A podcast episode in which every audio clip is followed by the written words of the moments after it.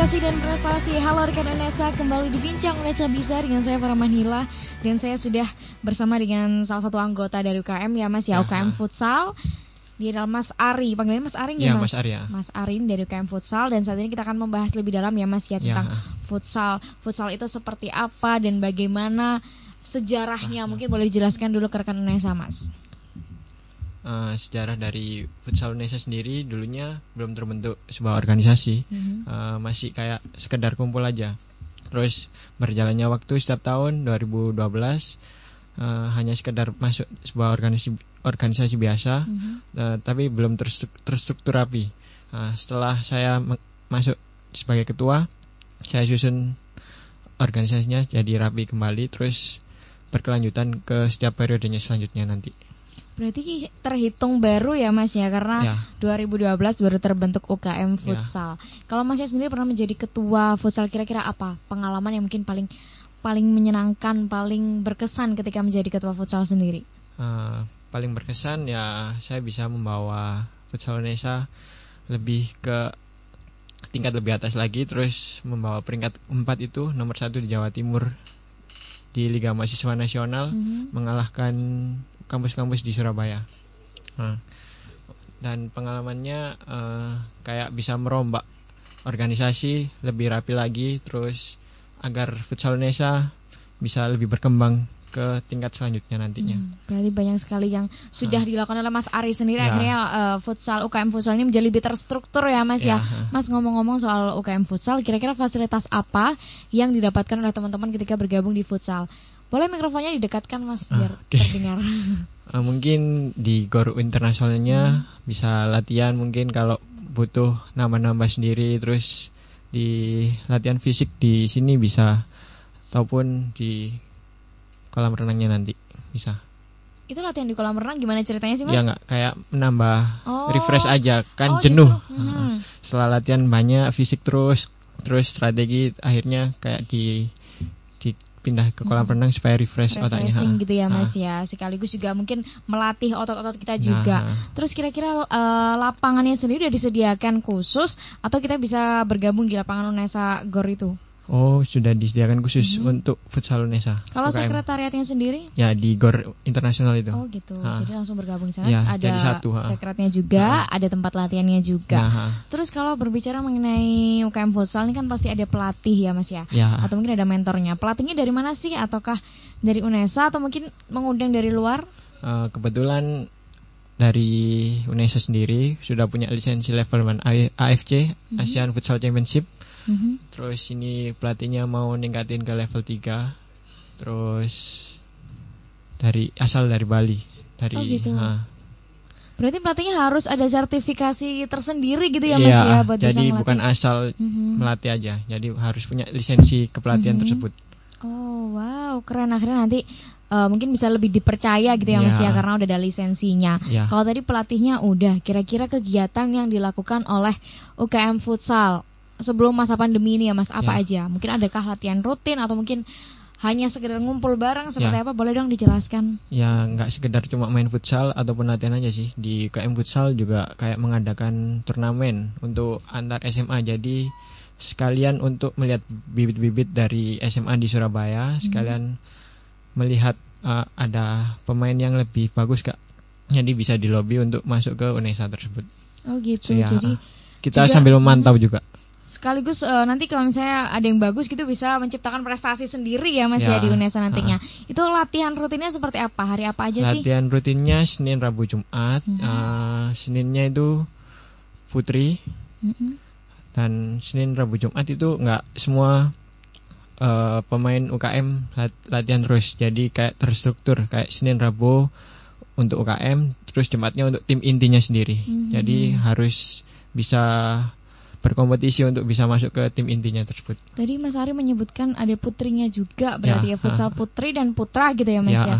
Uh, kira-kira pembedanya apa sih atau mungkin ada treatment yang berbeda antara melatih perempuan dan melatih laki-laki? Untuk treatment putri lebih kayak sabar ke teknik dasarnya sih, soalnya -hmm. putri sulit untuk menangkap apa yang dilatih dari pelatih tersebut.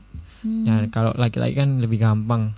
Jadi dilatih seminggu atau dua minggu udah masuk ke strateginya. Kalau putri harus lebih lama lagi sebulan baru masuk ke strategi fase strategi. Mungkin karena laki-laki sudah terbiasa bermain sepak iya, bola ya Mas. Iya. Oh iya Mas, saya sampai lupa bertanya. Apa sih perbedaan futsal dan sepak bola sendiri? Yang perbedaan futsal dan sepak bola mungkin spesifiknya di beda pemain ya. Kalau sepak bola 11 orang, kalau di futsal mm -hmm. 5 orang. Terus di futsal lebih menghabiskan banyak tenaga soalnya uh, ada pergantian pemain lima kali tersebut misal si A main mm-hmm. terus diganti tapi bisa main lagi kalau di, di sepak bola misal mau main udah nggak bisa lagi udah satu kali main aja oh gitu berarti ya. kalau misalnya waktu-waktu dipanggil harus siap ya mas ya masuk lagi ke ya. lapangan ha, gitu ya mas ha. ya kembali ke latihan rutin UKM futsal ya. sendiri selain latihan rutin yang Senin Rabu Jumat apa yang biasa dilakukan oleh UKM futsal uh, mungkin bedanya kalau Senin Rabu Jumat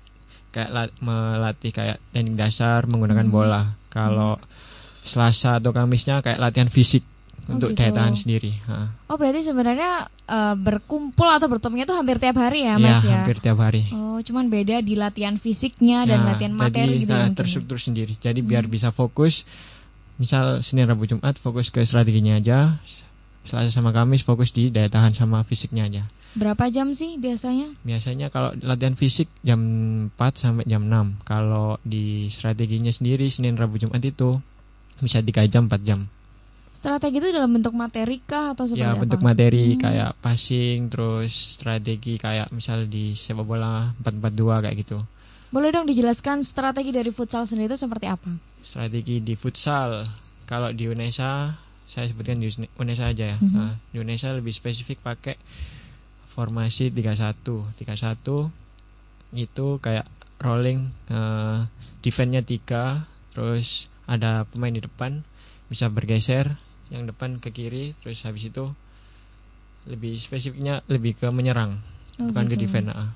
Kalau defense ini mempertahankan gitu ya. ya. Kalau strategi yang dipakai sama UKM Futsal Unesa ini berarti lebih menyerang. Kenapa ya. akhirnya memilih strategi 3-1 tadi, Mas? Ya. Ke, kenapa? Soalnya tipikal dari pemain Indonesia sendiri lebih cepat ya soalnya nggak flamboyan mainnya jadi setiap passing berlari setiap passing berlari hmm. jadi punya kekuatan daya tahan yang cukup bagus sih kalau berbicara mengenai strategi tadi sudah uh, sekarang kita berbicara mengenai posisi posisi pemain itu seperti apa kalau tiga oh, ya. apakah semuanya di depan jejer-jejer gitu atau kayak gimana mas? Uh, kalau di futsal uh, ada namanya pivot, flank atau ala, terus hmm. angkor hmm. sama kiper. Kalau angkor sendiri bagian mengatur ritme permainan di belakang. Mm-hmm. Kalau flank atau ala itu kayak uh, yang mengatur penyerangan, terus yang habis ke depan terus balik lagi ke belakang. Mm-hmm. Nah, kalau di pivot sendiri itu kayak tembok atau penyuplai bola aja. Jadi dapat bola, passing ke samping lempar gitu ah, ya. Nah, gitu aja. Saya baru tahu loh Mas ternyata banyak banget posisi-posisi yang saya tahu cuman kiper gitu kan. Nah, Karena kiper paling terkenal ya, jaga gawang gitu ya Mas ya. Universal. Mas kalau uh, Mas kalau sendi Mas Ari sendiri ada di posisi apa? Saya kiper. Oh gitu. Ya.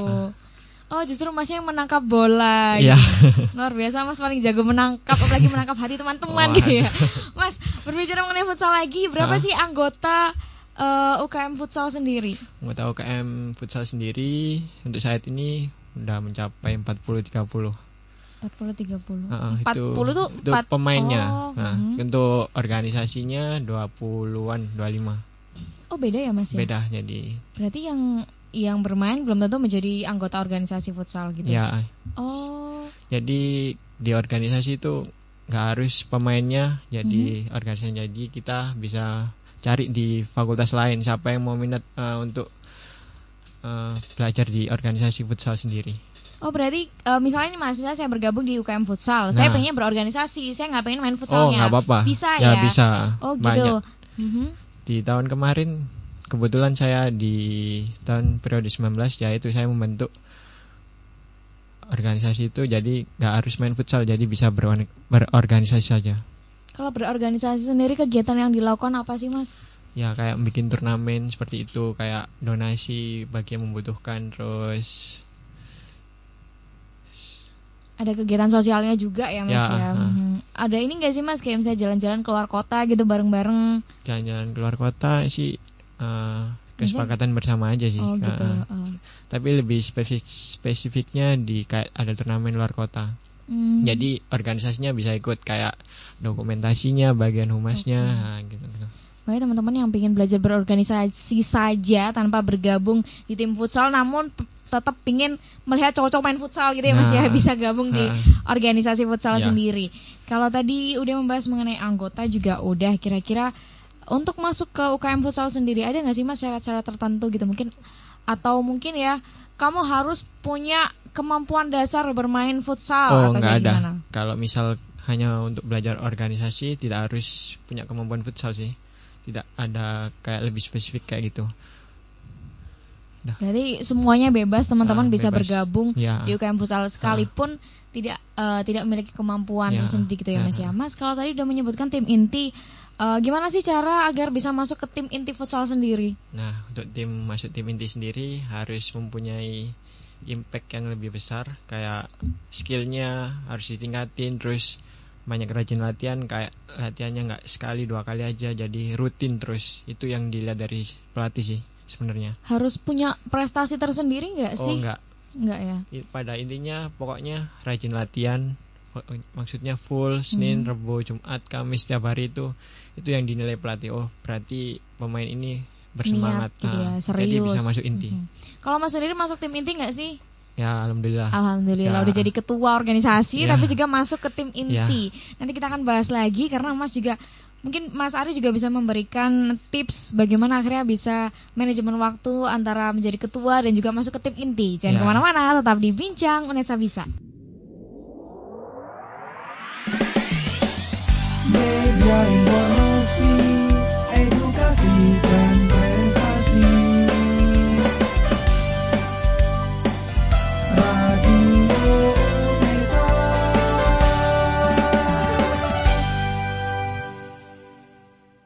informasi edukasi dan prestasi di Bincang Unesa Bisa masih dengan Farmanila dan juga Mas Ari ya. sebagai anggota UKM Futsal. Mas, tadi kita udah membahas uh, ternyata teman-teman yang mau bergabung di UKM Futsal ini nggak harus punya keahlian khusus, ya. bisa juga dari nol botol gitu ya Mas ya, ya istilahnya bisa hmm. kalau kamu mau belajar di futsal. Ngomong-ngomong soal belajar di futsal nih Mas, ada nggak pelatihan khusus yang diberikan kepada teman-teman yang masih awam banget tapi ingin bergabung di tim futsal? Uh, dari KM Futsal sendiri kayak kita nggak membedakan ya semua disamakan. Kalau mau belajar ya ayo belajar bareng. Itu pun yang sudah bisa ataupun yang belum bisa. Jadi uh, yang sudah bisa bisa mengajarkan yang belum bisa mengasih tahu tipsnya seperti mm -hmm. apa jadi pemain ataupun sekaligus pelatih bisa mengasih tahu ke pemain yang belum bisa tersebut. Jadi lebih efisien efektif apa sih hal dasar yang diberikan kepada teman-teman yang masih baru bergabung ini? Ya mungkin dari tekniknya sendiri ya, mungkin hmm. passing, shooting, uh, kontrol seperti itu. Kalau kesulitan sendiri saat bermain futsal gitu atau mungkin ingin bergabung di tim futsal tapi nggak bisa apa-apa. Kira-kira yang paling sulit tuh apa sih yang diajarkan ke teman-teman? Ya mungkin lebih aw awamnya tuh ya segi passing sih lebih kayak sulit untuk buat nendang harus terarah hmm. nah, seperti itu passing itu bentuknya kayak gimana passing itu harus kayak impact harus terarah misal hmm. kayak misalnya arahnya harus 50 derajat contohnya seperti itu misalnya orangnya di posisi A passingnya harus di posisi A nggak boleh di posisi B Berarti itu benar-benar sedetail itu ya Mas ya, ya dilatihnya. Ya. Hal dasar memang sudah diajarkan kepada hmm. teman-teman yang ingin bergabung di UKM Futsal. Ya. Kira-kira selain itu apa sih Mas ilmu yang bisa dipelajarin oleh teman-teman ketika bergabung di UKM Futsal sendiri? Ya mungkin dari segi kerjasama, kebersamaan, terus di Futsal Indonesia sendiri udah bukan jadi tim lagi sih, jadi keluarga. Mm -hmm. nah, seperti itu. Karena mungkin teman-teman yang baru pindah biasanya kan dari luar kota gitu ya, ya Mas ya. Jadi, ke Surabaya sendiri bergabung di futsal menjadi hmm. memiliki keluarga baru nah, gitu ya Mas ya. Jadi bisa menambah relasi. Misal hmm. kalau yang dari luar kota pengen ikut klub di Surabaya di, bisa diajak latihan seperti itu bisa nambah sendirilah. Hmm. Mas selain dari belajar uh, futsal, kira-kira mungkin nggak sih ketika bergabung di UKM Futsal Unesa kemudian bisa menjadi pelatih futsal? Oh bisa. Ya, contohnya seperti saya dan teman-teman saya tiga orang. Mm -hmm. ya, dulunya saya juga ikut main, ikut main. Habis itu sama pelatih saya untuk diangkat jadi ketua sekaligus menjadi asisten pelatih. Mm -hmm. Dan sebagai asisten pelatih juga saya suruh ikut lisensi supaya lebih paham lagi hmm. tentang futsal. Oh berarti Mas ini sudah punya lisensi sendiri? Iya, alhamdulillah. Wow, apa itu lisensinya? Ada tingkatannya nggak sih? Ada tingkatan sih. Kebetulan saya udah dapat lisensi pelatih futsal level 1 nasional mm -hmm. sama pelatih fisik level 1 nasional. Sesusah apa sih untuk mendapatkan lisensi itu? Ya susahnya uh, harus bisa memahami betul tentang futsal, strateginya, mm -hmm. terus tidak benar-benar sekedar hanya ikut lisensi nggak. Soalnya ada penilaiannya sendiri.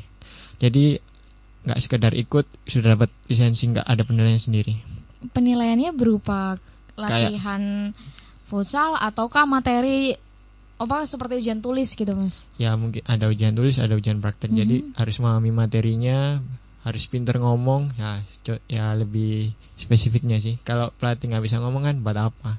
Oh gitu, berarti nah. memang banyak sekali hal yang dipelajarin di UKM Futsal dan bisa menjadi pelatih dan di UNESA sendiri ya. Oh, pelatihnya di UNESA bisa melatih di asisten pelatih. Oh gitu. Nah, bisa membantu. Hmm, membantu pelatih untuk melatih di luar gitu ya, karena nah. kita memahami semua tentang futsal. Ya. Mas, kalau kita udah membahas kegiatan-kegiatan futsalnya apa aja sekarang, saya mau bertanya dong tentang kompetisi apa saja yang pernah diikutin oleh UKM Futsal. UKM Futsal sendiri di Liga Mahasiswa, di terus di UGM, uh mhm. -huh. terus di Telkom University Bandung, uh mhm. -huh. sama Semarang kemarin. Itu kompetisi tahunan kah? Tahunan. Sama Mizuno kemarin. Masing-masing kompetisi mendapat uh, juara nggak mas? Atau mungkin mendapat penghargaan tersendiri? Mungkin di sementara di Liga Mahasiswa sih.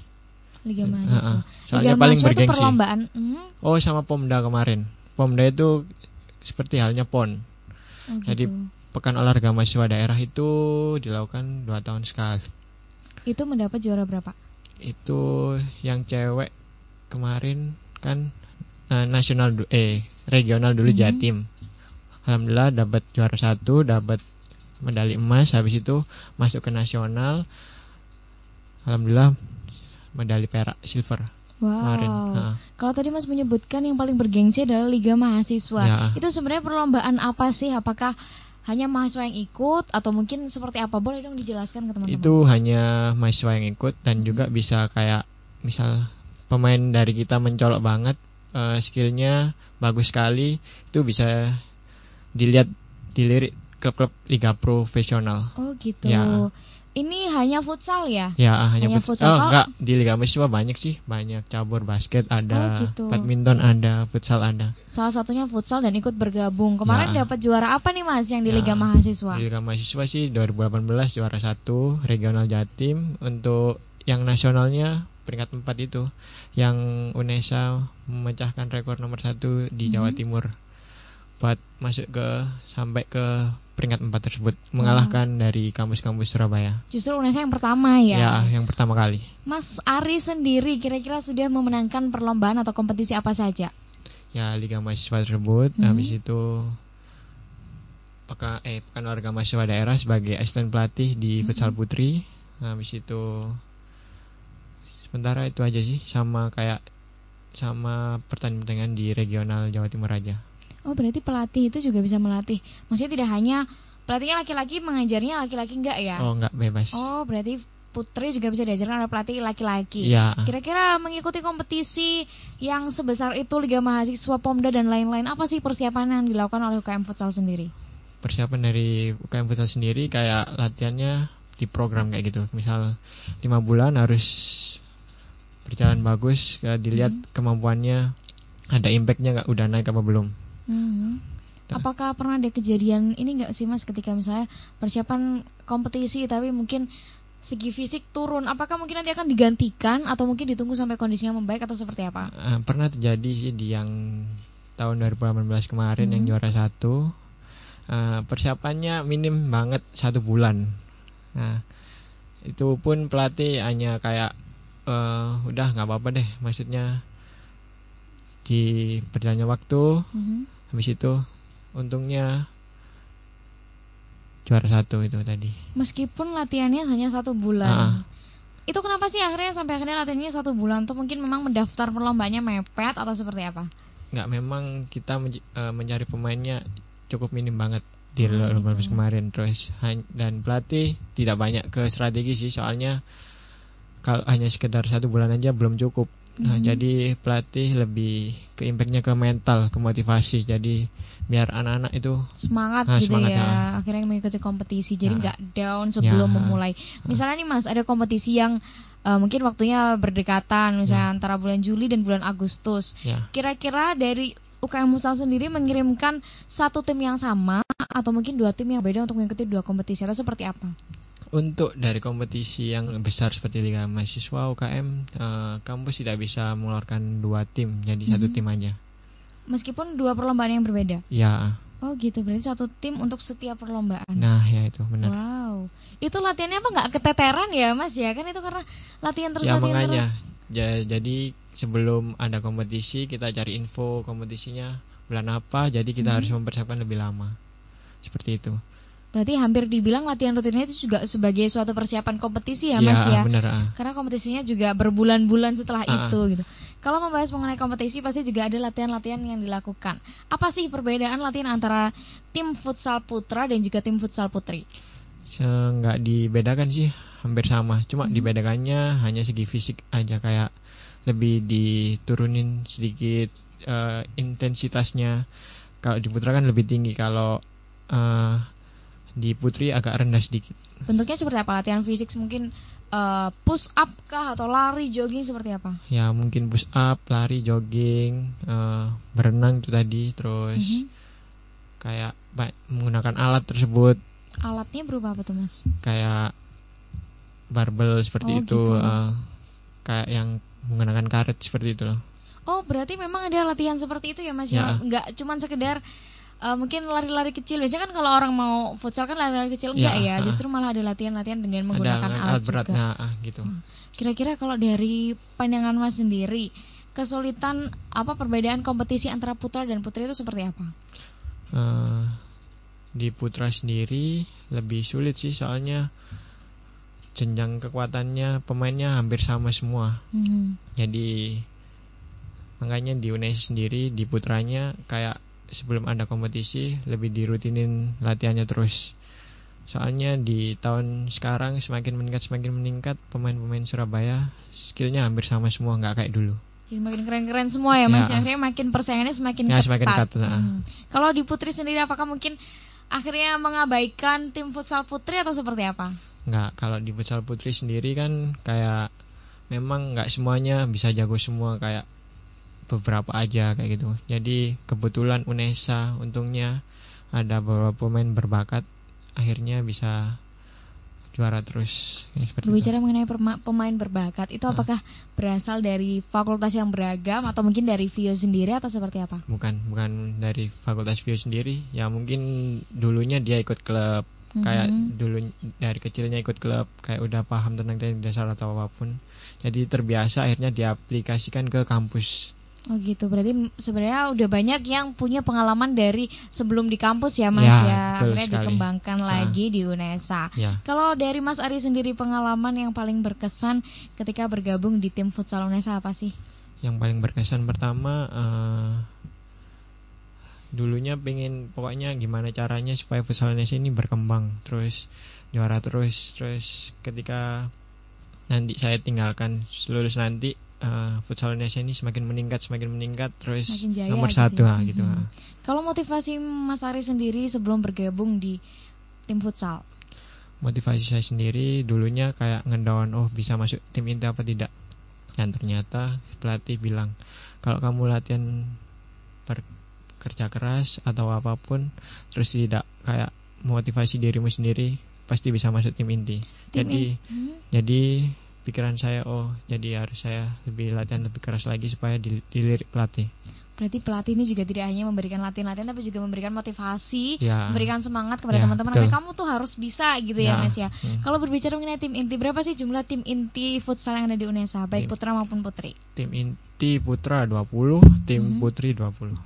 Itu bergantian gak sih Mas nanti ketika ikut uh, ketika akan mengikuti perlombaan? Uh, kan 20 tuh nggak dipakai semua ya? Ya, enggak 20 dipakai semua dia oh, gitu. dibawa semua. Ya mungkin dari segi umur ataupun nanti setelah lulus mungkin dirombak diganti. Misal kalau skillnya tetap sama mungkin dipertahankan. Jadi sambil lihat yang di bawah misalnya maba-mabanya kalau skillnya agak meningkat kita masukkan ke tim inti. Hmm, kalau dari upgrading tim inti sendiri, perombakannya sendiri itu berapa lama? Mungkin setahun sekali kah atau seperti apa? Oh enggak, eh, kita mainnya bulanan ataupun bisa cepat mingguan. Pokoknya selama pemain itu mencolok oh. skillnya udah bagus banget, langsung kita masukkan ke tim inti. Oh berarti benar-benar di upgrade terus, dilihat terus ya. uh, bagaimana kekuatan ah. teman-teman, uh, stamina hmm. teman-teman, uh, gitu ya. Terus yang rajin latihan juga, uh -huh. percuma dan kita berpikiran percuma kalau tim inti, tapi pemain pemain intinya jarang latihan uh -huh. ataupun uh, tidak malas-malasan, uh, malas-malasan, gitu ya. terus attitude-nya tidak baik juga. Oh berarti attitude juga dilihat, ya. juga mungkin latihan yang paling sering latihan yang paling terlihat niat gitu ya, ya paling gitu, semangat itu bener. mungkin akan dimasukkan ke tim inti yeah. dan ada kemungkinan kalau misalnya malas-malasan gitu mungkin nah. akan bisa dikeluarkan dari tim nah, inti. benar juga. Gitu ya Mas ya. Nah. Oke deh kalau gitu setelah ini kita akan bahas lebih dalam lagi mengenai UKM futsal. Jangan ke mana-mana, tetap di Bincang Unesa Bisa. Media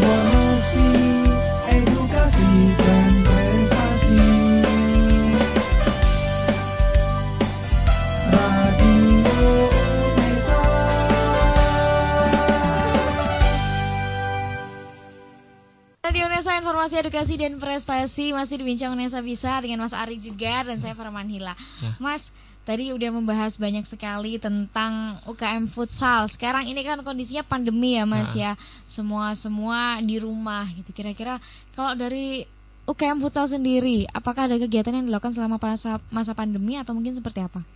Uh, untuk selama pandemi ini uh, pemain futsal inti dari UKM Futsal Indonesia kayak diberi video ataupun nanti lewat Google Meet suruh hmm. latihannya programnya seperti ini seperti ini. Jadi tetap berjalan sih.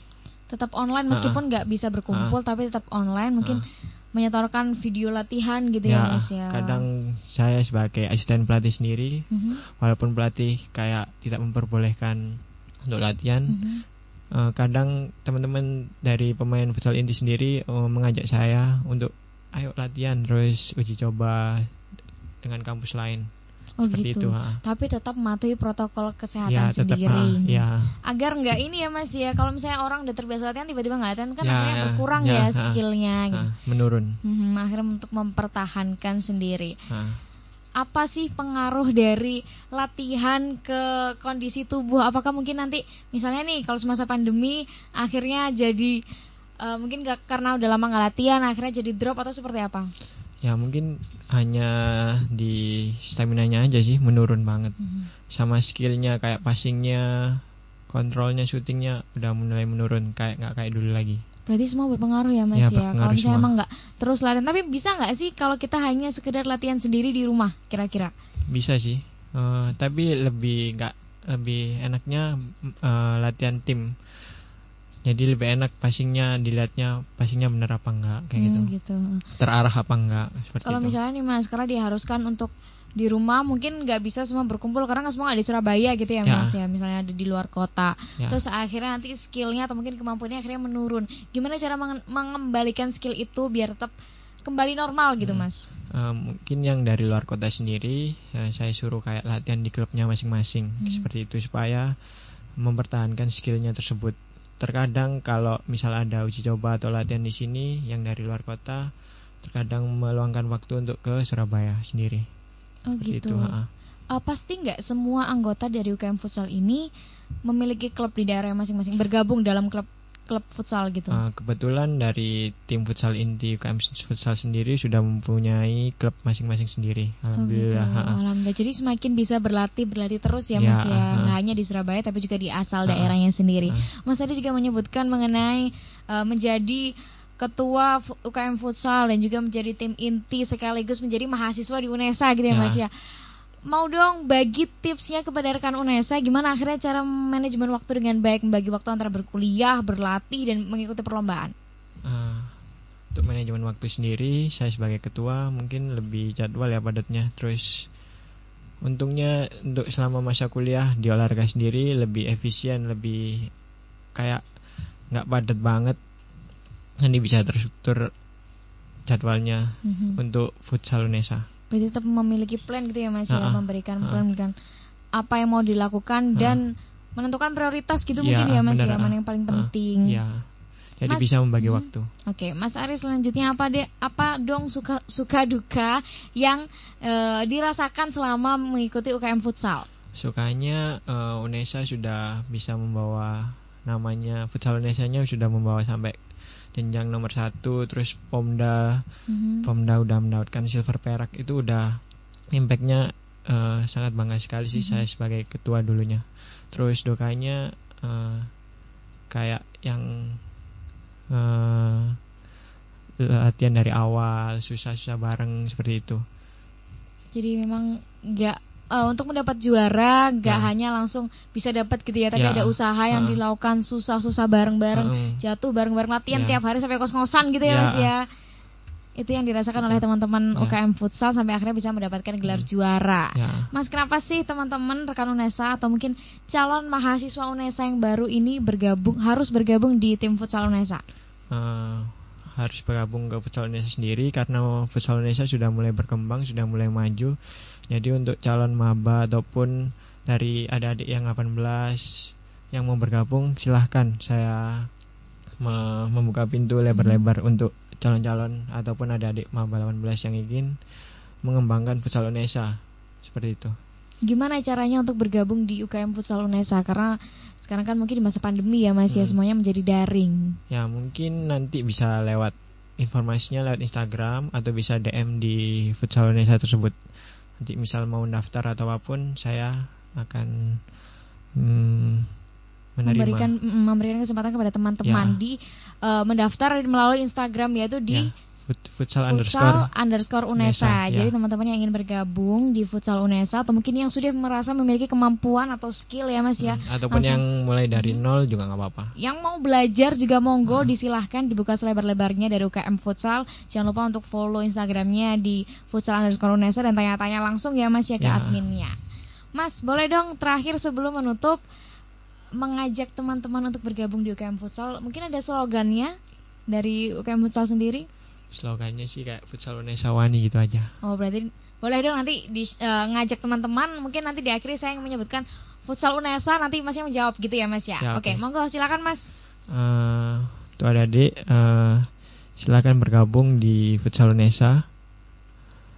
Uh, kita tidak memandang kalian skill enak atau apa pun, uh, semua kita belajar semua. Jadi saya persilahkan untuk bergabung di futsal Unesa tersebut. Eh, mungkin bisa DM lewat Instagram futsal underscore Unesa. Uh, futsal Unesa Wani. Oke, saya ulangi ya Mas ya. Uh. Futsal Unesa Wani. Wani. Uh. Baik, terima kasih banyak ya. Mas atas ya. waktunya sudah bergabung di Bincang Unesa Bisa. Ya. Semoga futsal Unesa semakin jaya. Amin amin amin. amin. amin.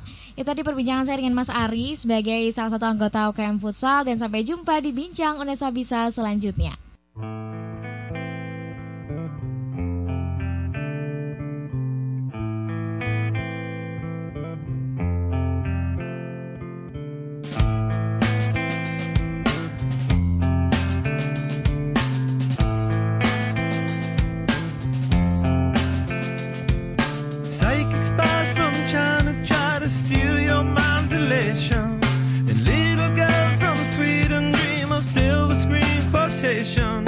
And if you want these kind of dreams, it's Californication.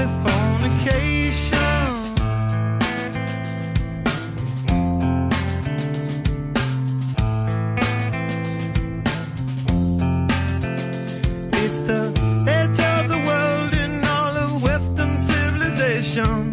The sun may rise in the east, at least it's settled in a final location. It's understood.